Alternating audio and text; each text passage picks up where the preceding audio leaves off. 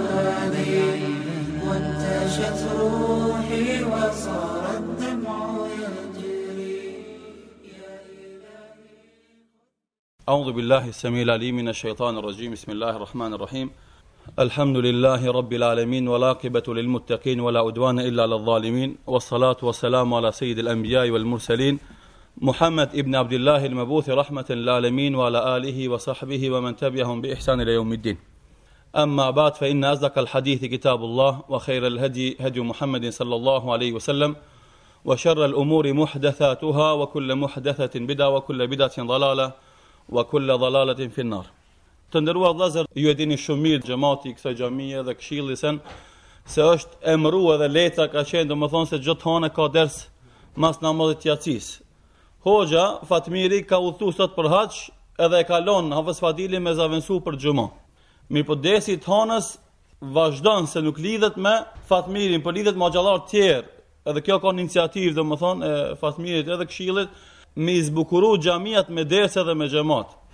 Se nuk është dersi që mahet vetëm se xhumanë. Derset mahen edhe ditëve tjera se na kemi nevojë për derse ditë edhe natë. Normalisht se dikush Ndoshta edhe i pengon me majt derse, ndoshta dikujt edhe i pengon me u mledh domethënë edhe me ardhë të rinj në xhami, sidoqoftë, asnjëherë muslimani nuk duhet me dhunë edhe me të keqe me zgjidh problemin. Për çdo problem ka zgjidhje, ka mirëkuptim, ka marrëveshje, Andaj nuk ka nevojë kurkush pi xhematit sidomos për të ritë që m'u nxeh edhe m'u idhnue edhe m'u munu domethënë me forcë me i zgjidh problemet, se alhamdulillah problemet ka një milion variante tjera me u zgjidh. Dikujt nuk i pëlqen ndoshta pse majmë neve ders, jo na si hoxhallarë, po kushdo koftë që man ders, ndoshta dikujt nuk i pëlqen, por kadal kadal do të mësohet, Do të mësohet se s'ka pas ka dje, sot ka, nesër ka me pas, edhe masnesër ka me pas, do të mësohen njerëzit. Duhet sabër veç. Domethënë mundet dikush me i kuptu ndryshe gjanat, mundet me pas dituri tjera, por kadal kadal gjithë së bashku, insha Allahu teala, do t'i kapërcejmë të gjithë vështirësitë edhe problemet, qëllimi është mos me bë probleme dhe telashe n'xhami, se xhamiat janë të Allahut, nuk janë të kurkujt, janë të Allahut. Sultanat edhe pashallarët edhe muslimanët ku i kanë ndërtu para 500 vjetëve, s'i kanë ndërtu as për mua, as për babën tem, as për dikan tjetër, por i kanë ndërtu për muslimanët. Edhe këto xhamia janë vakëf të muslimanëve. Edhe çdo punë e hajrit edhe e mirë që bëhet me marrëveshje,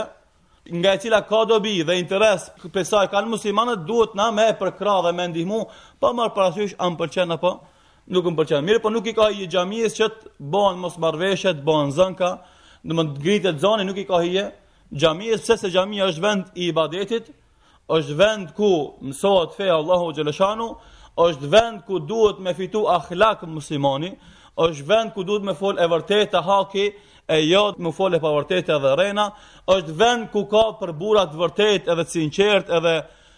të drejtë e nuk ka vend për ata që janë shtrembtë e kështu me radhë. Andaj na gjithë kemi nevojë për m'u këshillue, për me përmirësu njëri-tjetrin, për me përmirësu edukatën tonë, sjelljen tonë, ahlakin tonë, dijet e tona, ibadetet e tona, krejt mangësitë e tona që kemi nëpërmes takimeve në xhamiat e Allahut xhele shanuhu ka mundësi me zgjidhë këto probleme, insha Allahu Teala, duhet me shtu imanin, duhet me shtu sabrin, duhet me shtu gjakftohtësinë, këto janë cilësi që duhet me pas një musliman për mos me u bë material me të cilën do të qeshen apo do të bëjnë hajgare të tjerë përveç muslimanëve. Por çdo sen ka zgjidhje dhe kjo inshallah me lejen e Allahut do të zgjidhet edhe ky problem inshallah taala. Na të nderuar vëllezër si e kishim ndërmend edhe do të flasim sot do të thot për këtë tërmetin e fundit që ndodhi në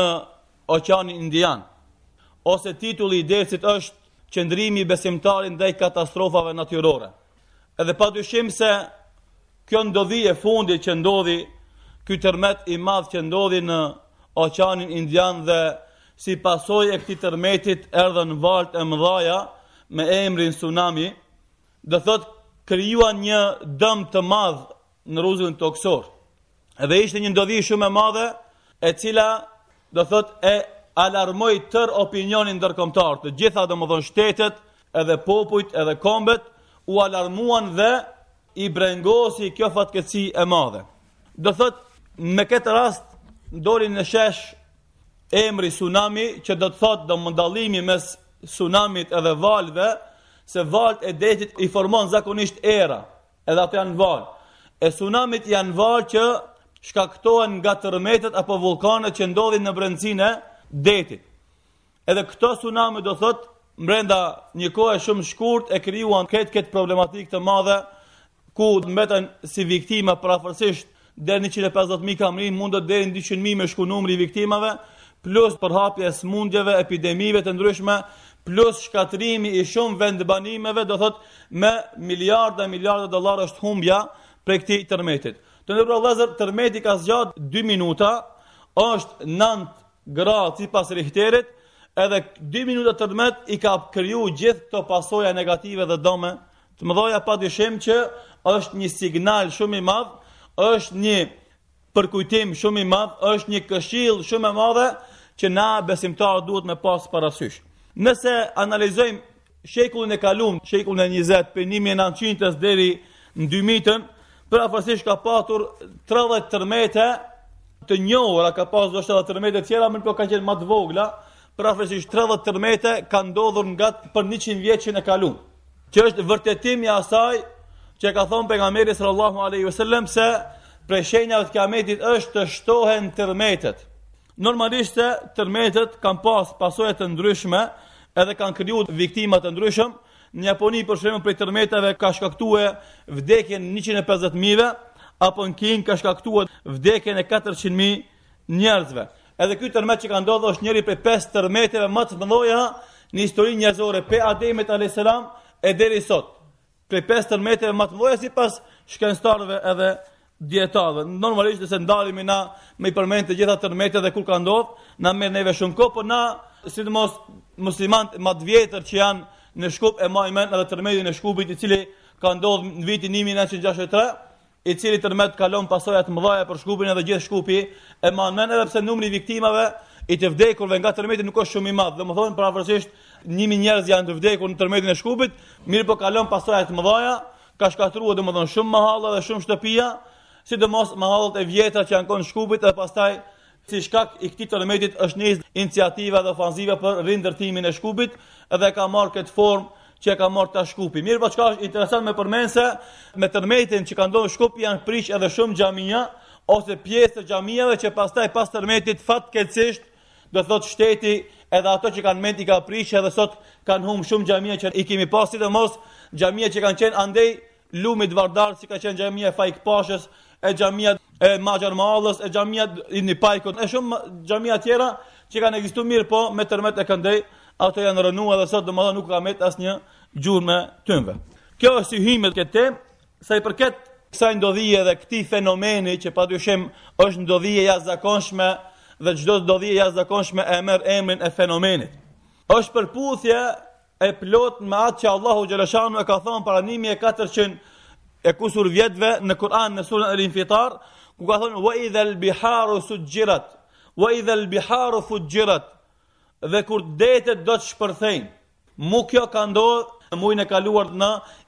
Oqeani Indian ka shpërthy deti nga brenda. Ka ndodhur domethënë tërmet, i cili e ka kriju do të thotë valë të mëdha, ose ka ardhur në ajetin tjetër wa idha al-biharu sujjirat, edhe kur të kallen detnat, eksplodon deti nga tërmeti apo kallet nga vullkani i cili ndodh në fundin e detit. Mirëpo nëse ndalemi na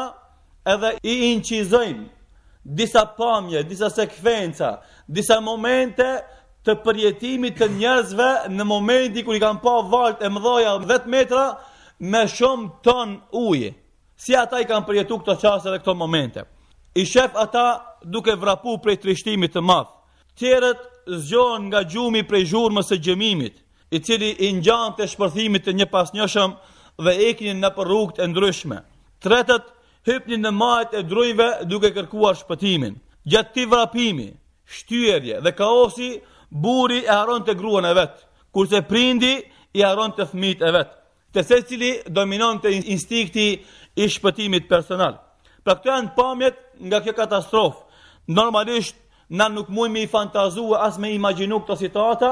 përveç atij që i ka pa atë vështirësi dhe atë trishtim, ai bile bile nuk mundet me përshkru me gjuhën e tij se janë trishtime shumë të mëdha edhe janë pamje shumë problematike. Pra kjo është një kiamet i vogël i cili ka ndodh në dynja si përkujtim prej Allahut subhanahu wa taala për njerëzit. Po që se për shembull të ndalemi dhe të mendojmë, po që se sikur se kjo të kish ndodhur edhe në Oqeanin Pacifik, edhe në Oqeanin Atlantik, edhe në detin verior, në katër anët ta kishin shtyp tokën valët e mëdha si këto, vallë a kish mbet diçka prej rruzullit tokësor apo ish shkatrru i tëri ai. Mirëpo, a marrin mësim njerëzit nga këto ndodhi dhe a përgatiten për kiametin e madh. Pa dyshim se shenjat e kiametit të madh janë edhe ma trishtuese dhe ma të hidhura se këto, siç na tregojnë librat e Allahut xheleshanuhu. Andaj, këto kiametet e vogla nuk janë asgjë në krahasim me këtë kiamet të madh. Pse? Se me kiametin e madh neutralizohen ligjet e natyrës. Atëherë toka më nuk është kjo tokë, edhe qielli më nuk është ky qiell. Sikurse tregon Kurani për kiametin e madh, qielli çahet. Planetet bien dhe rrëzohen ndarazi. Dielli del nga perëndimi e pastaj fiket nxehtësia e saj krejtësisht kurse kodrat barazohen me dheun. Pra, kjo nuk është dallimi i tërësishëm mes kiametit të madh edhe të vogël, sepse në momentin e kiametit të madh ka edhe një element shtesë, ajo është se mbyllet dera e pendimit. Andaj këto probleme dhe fatkeqësi dhe katastrofa, sado që janë të rrezikshme dhe problematike, e kanë me veti një të mirë pse dera e pendimit është akoma çel e kur vjen dita e kiametit të madh atëherë më nuk ka hapësirë as për pendim. Padyshim se këto kiamete të vogla janë këshillë për njerëzit që t'i kthehen Allahut xheleshanuhu. Kështu ndodhin revolucionet në historinë njerëzore. Sikurse këto katastrofa që e ndrrojnë gjendjen e botës ndodhin edhe revolucionet nëpër shtete edhe civilizime. Deri sot ke qenë i madh, ke qenë tiran, Ke qenë i fuqishëm, vjen një kohë të rrëzojnë prej pushtetit, ke pas pasuni tash bohesh i varfur, ke pas pushtet dhe ushtri tash s'ke askënd me veti, të burgosin madje ngritin gjyqet revolucionare dhe shumë tiranëve dhe zullumqarëve u shkon koka mirëpo, ja që shumë zullumqarë që ekzistojnë n'rruzullin tokësor, nuk marrin msim prej këtyne ndryshimeve të mdhaja që ndodhin në historinë njerëzore. Thamë se pa marrë parasysh sa kanë forcë njerëzit, çfarë teknologjie kanë dhe çfarë ngritje në aspektin tekniko-teknologjik kanë ata, nuk munden me ndal një gjo të tillë. Andaj këto ndodhi vijnë për me tregue paaftësinë e njeriut me i ndal dënimet e Allahut xheleshanuhu kur Allahu i përcakton ata dhe i drejton dhe i nis në mesin e njerëzve në përgjithësi. Pra, si duhet me qenë qëndrimi i besimtarit ndaj këtyre katastrofave natyrore? Allahu xheleshanuhu këtë tokë që e ka kriju, e ka kriju që na në të të jetojmë, dhe në te na ka dhon prej begative të shumta, pse, pse na të knaqim me të mirat që i ka kriju Allahu xheleshanuhu enkas dhe veçanti për njeriun, në te na jetojmë edhe në ta vdekim edhe në ta i varrosim të vdekurit tonë, thotë Allahu Subhanahu wa Ta'ala, elem nexh'alil erda kifata,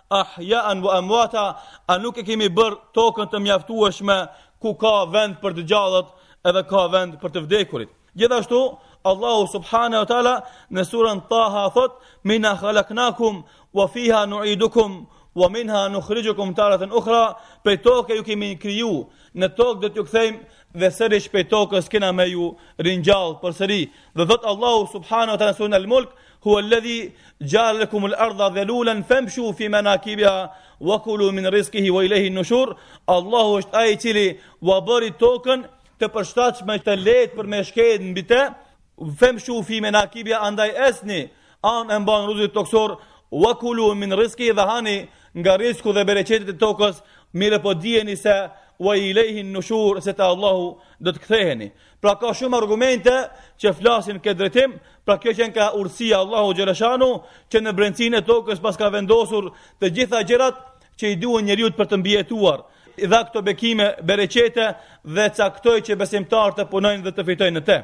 Dhe e bëri të përqendrueshme dhe e bëri të palëvishme me kodrat e saja për t'i mundësuar besimtarit të jeton një jetë të qetë e të rehatshme, por në disa raste Allahu xheleshanuhu këtë rruzull tokësor stabil, këto kodra që nuk lëvizin i bën ushtri prej ushtrive të Allahut xheleshanuhu, lejon që ato të lëvizin dhe të zgjerohen e me lëvizjen dhe zgjerimin e tyre të ndodhin tërmetet dhe katastrofat e mëdha, duke i frikësuar njerëzit që t'i kthehen Allahut xheleshanuhu të pendohen për gabimet e tyre i lartësuar qoftë ky Allah i cili e ka një ushtri të cilën nuk e din askush tjetër përveç tij. Në këto ditë, ky tërmet që ndodhi dhe i goditi këto vende, duke lënë qindra mijë do thotë e kusur të vdekura me miliona të zhvendosur e miliarda dëme, pa dyshim se kur ballafaqohet muslimani me këto ndodhi, duhet të ulet për të medituar dhe për të marrë mësime. Qëndrimi i këtillë i muslimanit buron nga besimi i tij se çdo sen që ndodh ndodh me caktimin e Allahut xheleshanuhu. Ai këtë botëkuptim të vetin e ka edhe dallon nga qëndrimi i materialistave të cilët mendojnë se këto gjëra kanë ndodh nga shkaqet e ndryshme fizike, duke mos qenë aspak shkak njeriu me gabimet, gjynahet dhe devijimet e tija. Normalisht se besimtari Zemrën e tij e ka vazhdimisht të lidhur me Allahun xheleshanuhu. Atë e falëndron për mirësitë që jep Allahu dhe është i vetëdijshëm se fatkeqësitë që e godasin dhe vijnë mbi kokë janë fryt i asaj që kanë punuar me duart e tyre, edhe pse Allahu xheleshanuhu shumë njerëzit që meritojnë dënimin, ata nuk i dënon por ua fal. Ai e din se i tërë universi, gjithësia, qiejt dhe toka, njerëzit dhe xhinët, Yjet dhe planetat, krijesat që i dimë dhe ato nuk i dimë, janë nën sundimin e Allahut xhaleshanu, i cili vepron me krijesat e vet ashtu sikurse dëshiron ai dhe dëshirës së Allahut askush nuk mundet me ju kundërshtu.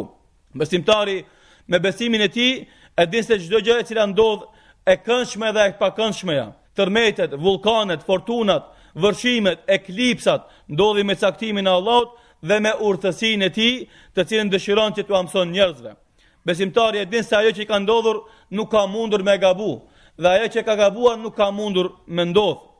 Dhe se obligimi i tij gjatë fatkeqësive është durimi, shpresa për shpërblim te Allahu xhaleshanu dhe pendimi e kthimi te Allahu Subhanahu wa Taala. Andaj, besimtari çdo herë ndikohet nga argumentet kosmologjike që i sheh me sytë e tij. Këto argumente ia përkujton Allahun, e ngjallin zemrën, ia ripërtërijnë imanin, e lidhin njeriun edhe ma shumë me Allahun xhaleshanu dhe e shtyjnë atë që ta falënderon Allahun për dhuntitë dhe nimetet e tija. Pra, tërmeti qenka një prej argumenteve të fuqisë së madhe të Allahut xhaleshanu, për të cilën Allahu xhaleshanu në Kuran ka thonë në suren al-Isra, wa ma nursilu bil ajati illa tekhuifa, fenomenet natyrore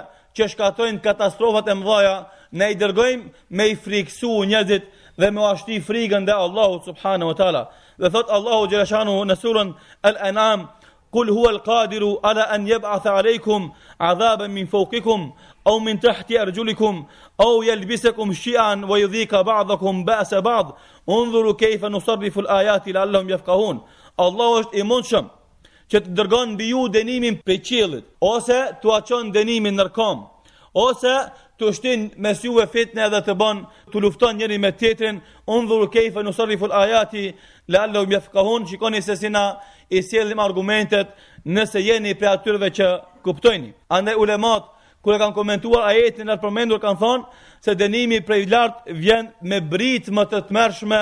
ose gurëzim nga qielli, kurse dënimi nga poshtë është tërmeti edhe gëlltitja e tokës apo shafitja kur e lëshon toka një popull apo një vendbanim. Pa dyshim kjo na tregon se tërmetet shkatërruese ndodhin me caktimin e Allahut dhe ato në disa raste janë dënim për ata që i refuzojnë urdhrat e Allahut xhaleshanu. Edhe nëse ndalemi dhe analizojmë vendin ku ka ndodhur tërmeti, aty kuptojmë se janë bërë gjynahe të mëdha. Aty bëhet zinaja, e pihet alkooli, e luhet bixhozi, e bëhen lloj-lloj të këqijash,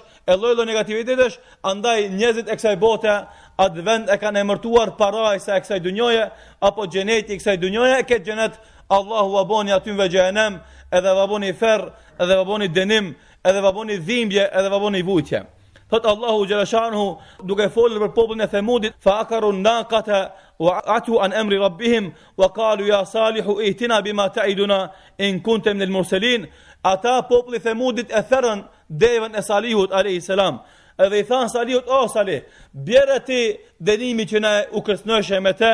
Atëherë thotë Allahu xhaleshanu, "Fa akhadhatuhum ar-rajfatu fa asbahu fi darihim jathimin." Ata e përjetuan një dridhje, domethënë një tërmet dhe gdhinë në shtëpinë e tyre si kufoma të ngrirura. Domethënë Allahu xhaleshanu popullin e Salihut Themudin e dënoi me tërmet të madh i cili tërmet shkaktoi vdekjen e këtij populli. Gjithashtu, edhe gëlltitja e tokës apo sharimi në thellësirat e tokës është prej katastrofave me anë të së cilës Allahu xheleshanuhu i frikson njerëzit.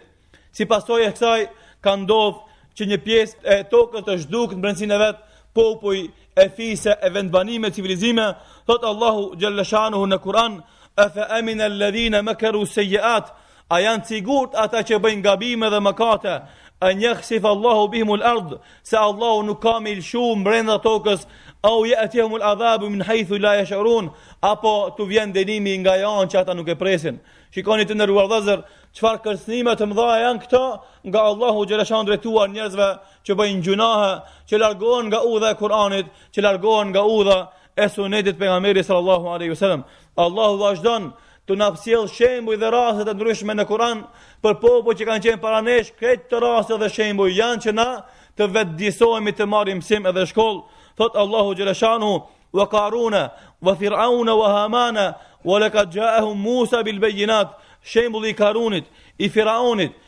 i Hamanit, të cilëve Musa alayhis salam ja solli argumentet e qarta, fastakbaru fil ard, ata u treguan mendjemëdhej, ju rit mendja atynve, wa ma kanu sabikin,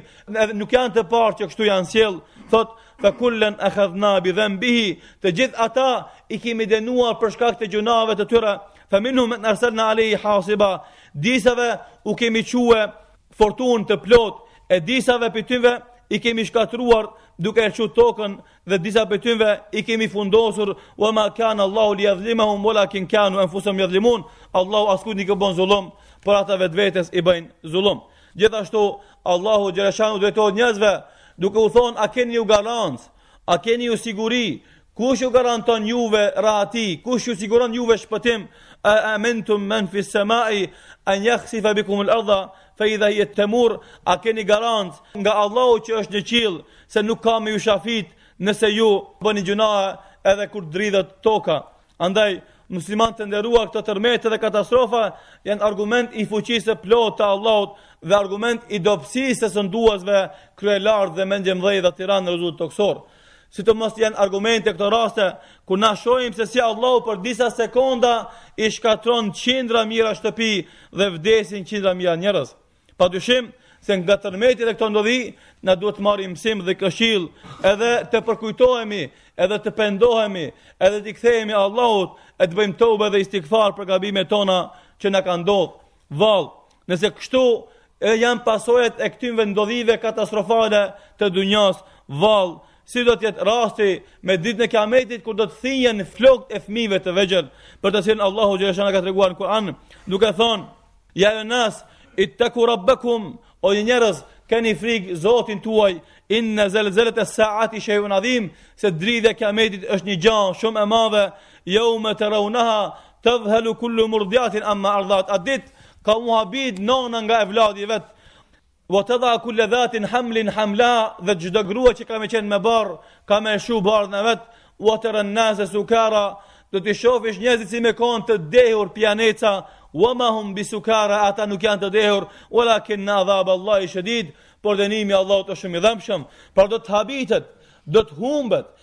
Nuk ka me qenë i koncentrum prej shkaku të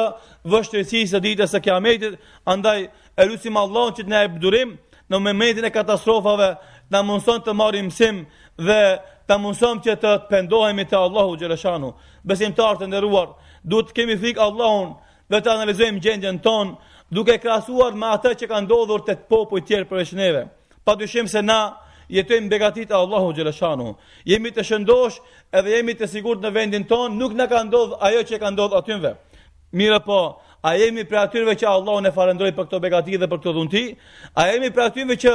jemi mirënjohës ndaj të mirave që na ka dërguar Allahu Xheleshanuhu? Apo mos vallë i përbuzim ato duke bërë gjynahe dhe duke bërë mëkate, kurse Allahu Xheleshanuhu në Kur'an, U ka premtuar shumë të mira njerëzve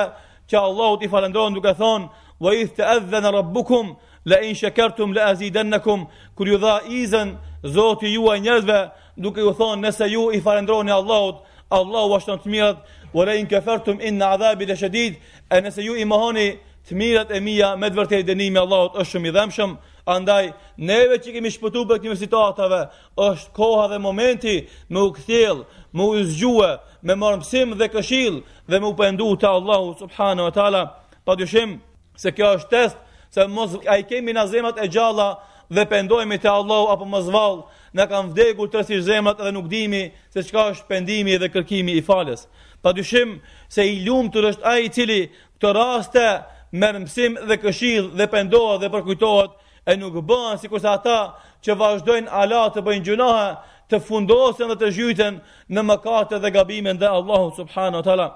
Tregon Allahu në Kur'an dhe pejgamberi sallallahu alaihi wasallam në hadithe se këto katastrofa që i godasin robërit janë për shkak të gjynaheve që ata i bëjnë. Pra, normalisht se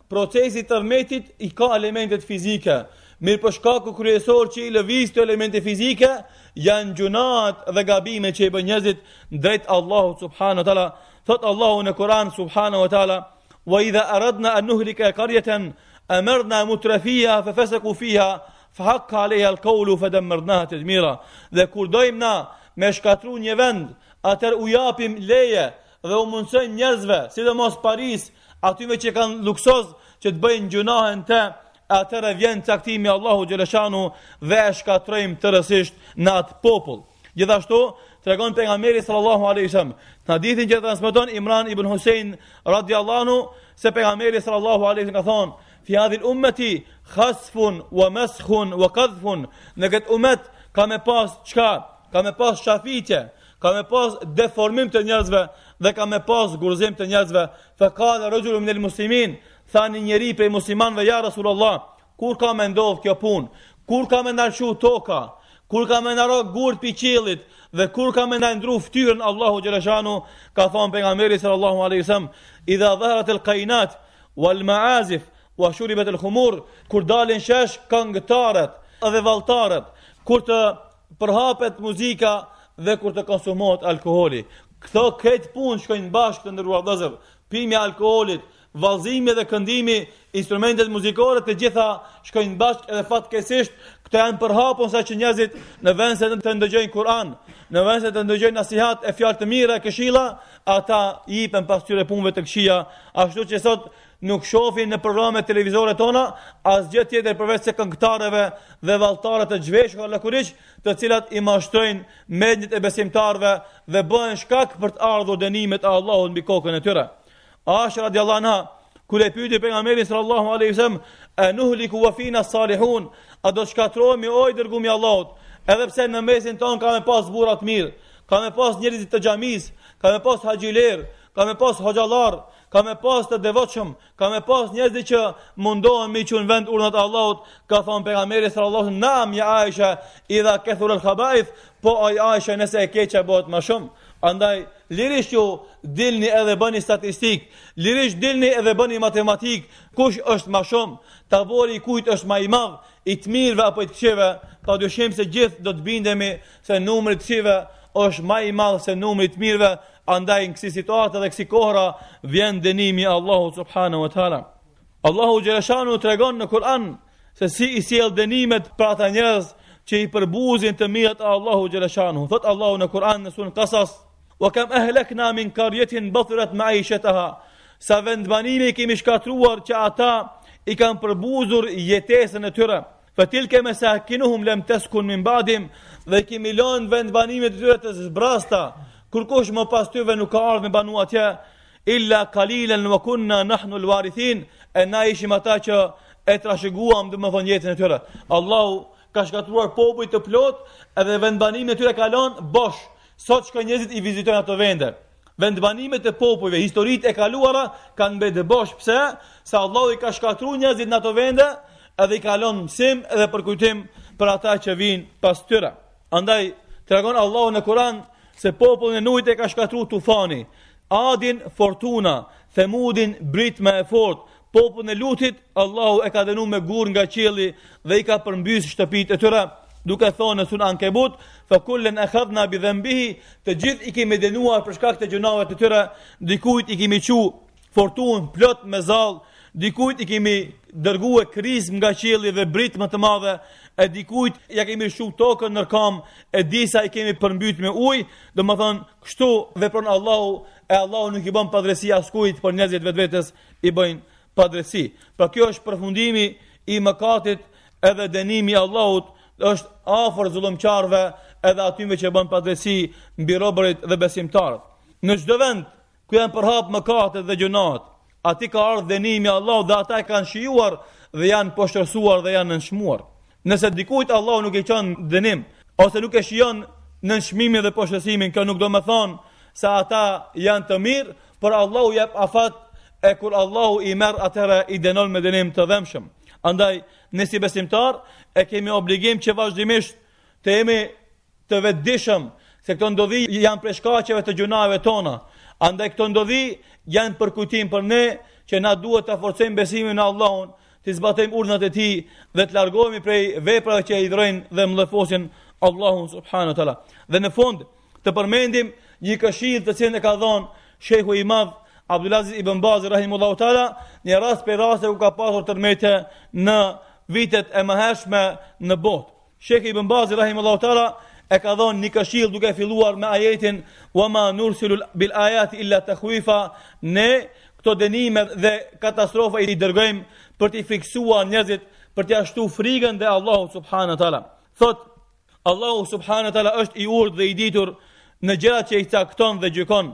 ashtu sikurse është i urtë në gjërat që i ka përcaktuar dhe i ka urdhëruar sepse ai subhanahu wa taala i krijon argumente që dëshiron dhe i përcakton për t'i frikësuar robërit e tij dhe për t'ua përkujtuar detyrat që i kanë ndaj Allahut, për t'ua tërhek vërejtjen nga idhujtaria dhe kundërshtimi i urdhnit të tij dhe zbatimit të ndalesave. Siç ka thonë Allahu në Kur'an, "Wa ma nursilu bil ayati illa takhwifa", ne këto ndodhi i çojmë për t'ua shti frigën në zemrën e njerëzve. Gjithashtu, Allahu xheleshanuhu në Kur'an thot senurihim ayatina fil afaqi wa fi anfusihim. Na do t'ua bëjmë të mundshme njerëzve të shohin argumentet e mia në horizont edhe në vetveten e njerëzve, derisa ta marrin vesh se Allahu është haku Awalam yakfi bi rabbika anna ala kulli shay'in shahid, a nuk mjafton se Allahu për çdo gjë është dëshmitar. Domethënë këto ndodhi ta japin me kuptu të kuptoj se Allahu është hak edhe çdo send është në dorën e tij edhe mjafton për te me thon kun fejekun bëhu edhe ajo bëhet gjithashtu Allahu xheleshanuhu thot Allahu është i mundshëm t'u dërgon dënimin mbi kokë dhe nër kamb dhe t'u përçan mes juve e të bëni domethonë hidhërim edhe mllefosje për njëri tjetrin transmeton Imam Buhariu Në Sahihun e tij nga Xhabir ibn Abdullahi radiallahu anhu, se pejgamberi sallallahu alaihi wasallam kur ka zbrit ajeti kuranor, Allahu ka mundësi me ju çu dënim nga qielli, ka thon a'udhu bi wajhika, o Zot, kërkoj strehim rujëm me fuqinë dhe fytyrën tënde nga ky dënim. Dhe kur ka thon ose prej nër kambëve tua, gjithashtu ka thon pejgamberi o Zot rujëm me fuqinë dhe fytyrën tënde. S'ka dyshim se këto tërmete që ndodhin këto ditë në vende të shumta janë pjesë e këtyre argumenteve me të cilat Allahu xhaleshanu i frikson robërit e tij. Çdo gjë që ndodh në gjithësi, qoftë tërmet apo diçka tjetër, gjëra që i dëmtojnë njerëzit dhe u shkaktojnë lloj-lloj pengesash, të gjitha këto vijnë nga shkaku i idhujtarisë dhe mëkateve, thot Allahu në Kur'an, "Wa ma asabakum min musibatin fa bima kasabat aydikum wa ya'fu an kathir." Të gjitha këto të kqija që vijnë, vijnë nga ajo që e keni fituar me duart e juaja, edhe shumë gjuna Allahu i fal. Gjithashtu, Allahu xhaleshanu thot, wa ma asabekum min hasenetin fe min Allah. Çdo e mirë që ju vjen është prej Allahut, wa ma asabekum min sejetin fe min nefsike, dhe çdo e keqe që ju vjen është prej vetvetes tuaj. Gjithashtu, Allahu xhaleshanu duke folur për popujt e kaluar ka thonë, të gjithë ne ata i kemi denuar, sikurse përmendëm më herët, diken e kemi denuar me erë, e diken me fortun, e diken me shi, e diken me gurë, e diken me shafitje, e diken me përmbysje. Andaj, të gjithë muslimant e moshërritur, po edhe tjerët, obligohen të pendohen te Allahu subhanu tala, të përqendrojnë në fenë e tij, të ikin nga të gjitha veprat të cilat e çojnë njeriun te hidhërimi i Allahut xhaleshanu, qoftë idhujtari ose mëkat, nëse dëshirojnë që të sigurojnë shëndet shpëtim në dynja dhe ahiret dhe të largohen dhe të shpëtohen nga të gjitha të këqijat në këtë dynja dhe në ahiret. Andaj, nëse dëshirojnë që Allahu t'u largon belat edhe të këqijat, njerëzit e kanë obligim që të pendohen te Allahu të jenë besimtarë dhe të devotshëm, sikurse ka treguar Allahu në Kur'an, "Walau an ahla al-qura amanu wattaqu la fatahna alehim barakatin min as-sama'i wal-ard Walakin kadhabu fa akhadnahum bima kanu yaksibun. Po qe se banorët e vendbanimeve do të besonin dhe do të ishin të devotshëm, do t'ia hapnim atyne bereqetet nga qielli dhe toka, mirëpo ata i përgënjeshtruan argumentet e Allahut e na i denuan për shkak të asaj që ata punuan. Gjithashtu Allahu xhaleshanu për ithtarët e librit, për ehli kitabin u drejtohet atyne duke u thënë se edhe për ata nëse zbatojnë librin e Allahut edhe ata shpëtojnë walau annahum Aqamu at-Taurate wal-Injila wama unzila ilayhim min Rabbihim la'akalu min fawqihim wa min tahti arjulihim. Po qe se ata do ta zbatonin Teuratin dhe Injilin dhe atë që ka shpall Allahu xhaleshanu, atëherë Allahu do të jepte rizk, furnizim nga lart nga qielli dhe nga poshtë nga toka, andaj bereqeti dhe furnizimi vjen nëse besimtarët i zbatojnë dhe i çojnë në vend urdhrat e Allahut dhe fjalët Allahu subhanahu wa taala Allahu xhaleshanu u drejtohet njerëzve me një kërcënim shumë interesant që njerëzit të ndalen, të mendojnë dhe të friksohen dhe të trishtohen a fa amin ahlul qura an yatihum ba'suna bayatan wa hum naimun a kanë garancë njerëzit se nuk vjen dënimi i Allahut natën e i gjen n'gjum andaj Ky cunami ose këta valët e mëdhaja që kanë ardhë në atë vend, shumë njerëz i kanë gjetë në gjumë edhe i kanë dënuar domethonë në gjumë. Andaj, kush ka prej neve garancë se kur bim me fletë nuk vjen dënimi i Allahut e na dënon e na shkatron. A fa aminu ehlel kura en je'tuhum be'suna duhan ve hum jel'abun. Ose, a keni garancë se nuk vjen dënimi i Allahut ditën në kohën kur ju lujni edhe argëtoni dhe dëfreheni, a fa aminu makra Allah, a ka kush është i garantum nga dënimet e Allahut, fala ya'manu makra Allah illa al-qawmul khasirun, vetëm njerëzit e humbur kanë garancë edhe mendojnë se janë shpëtuar nga dënimet e Allahut subhanahu wa taala. Andaj Ibn Kajimi rahimullahu taala kur fol për tërmetet thotë Allahu xheleshanuhu disa herë i jep izën tokës që të merr frymë E kjo frymëmarrje e tokës i shkakton tërmetet e mëdhaja, e me këto tërmete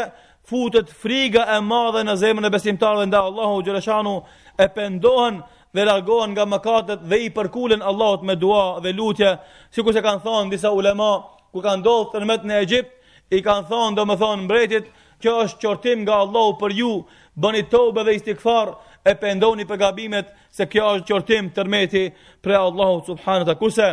Tregohet se Omer ibn Khattabi radiallahu anhu, njëherë kish pas ndodhë tërmet n'Medine, u tha banorët Medinës, o ju njerëz e Medinës, keni frikë Allahun dhe largoni nga gjunahet, se nëse vazhdon hala tërmeti, unë më nuk vi me banu n'këtë vend se tërmeti vjen si dënim prej Allahu xheleshanuhu për njerëzit që ia kanë kthy shpinën porosive të Allahu subhanahu taala. Andaj, ne si besimtar,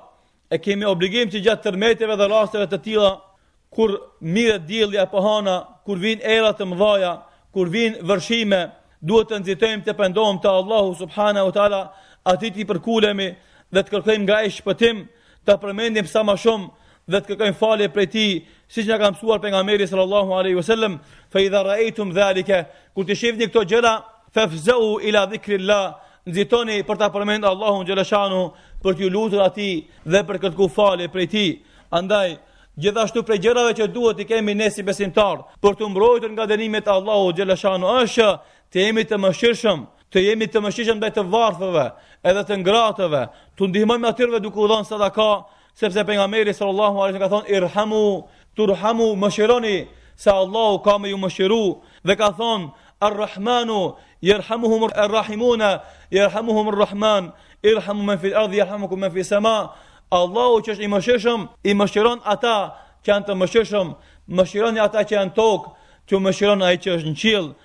Dhe thotë pejgamberi sallallahu alaihi wasallam, "Men la yarham la yurham", ai që nuk mëshiron, nuk mëshirohet, andaj edhe ne si besimtar e kemi obligim që të jemi të mëshirshëm ndaj njerëzve që të na vjen mëshira e Allahut nga qielli, që të na kaplon rahmeti dhe mëshira e Allahut subhanahu wa taala. Kurse Omer ibn Abdul Aziz rahimahullahu taala u shkruante guvernatorëve, emirëve të provincave që i kishte dhe u thoshte se kur të ndodhin tërmetet, Atëra ju frikësohuni e kthehuni te Allahu dhe pendohuni te Ai. Të nderuar vëllezër, padyshim se këto ajete dhe hadithe dhe argumente janë të mjaftueshme që ne si besimtarë t'i kthehemi Allahu xheleshanuhu. Ta zbrazim zemrën tonë nga gjitha gabimet dhe mëkatet. Ta mbushim këtë zemër me vlera dhe virtyte. Të largohemi nga veprat e këqija që e njollosin trupin dhe gjymtyrët tona me mëkate, e të cilat mëkate bëhen shkak për të na ardhë këto dënime edhe ma shumë se këto, andaj të nxitojmë në pendim të vërtetë, t'i kthehemi Allahut me zemër të shëndoshë, andaj të shtojmë dijen tonë dhe të shtojmë imanin tonë, e të kemi mëshirë ndaj njerëzve, e të jemi solidarë ndaj tyre, e të jemi të kujdeshëm ndaj familjes, ndaj farefisit, ndaj shoqërisë, ndaj rrethit, e t'i mbushim xhamiat me muslimanë, e të mbushen shtëpiat tona me Kur'an, e t'i jepemi të mirës, nëse dëshirojmë që të na kaplon mirësia e bereqeti dhe rahmeti i Allahut subhanahu wa taala e lusim Allahun xheleshanu që të na mbron nga dënimet e tija e lusim Allahun xheleshanu që të na shton dijen dhe imanin e lusim Allahun që këto raste që ndodhin na i bën mësim dhe përkujtim e lusim Allahun subhanahu wa taala që muslimanët që i ka rrokë kjo katastrofë t'i mëshiron të vdekurit e tyre Allahu në xhenet t'i çon, të plagosurit t'i shëron, ata që kanë betë pa shpi Allahu t'i ndihmon, e lusim Allahun xheleshanu që neve nga këto sprova t'na mbron,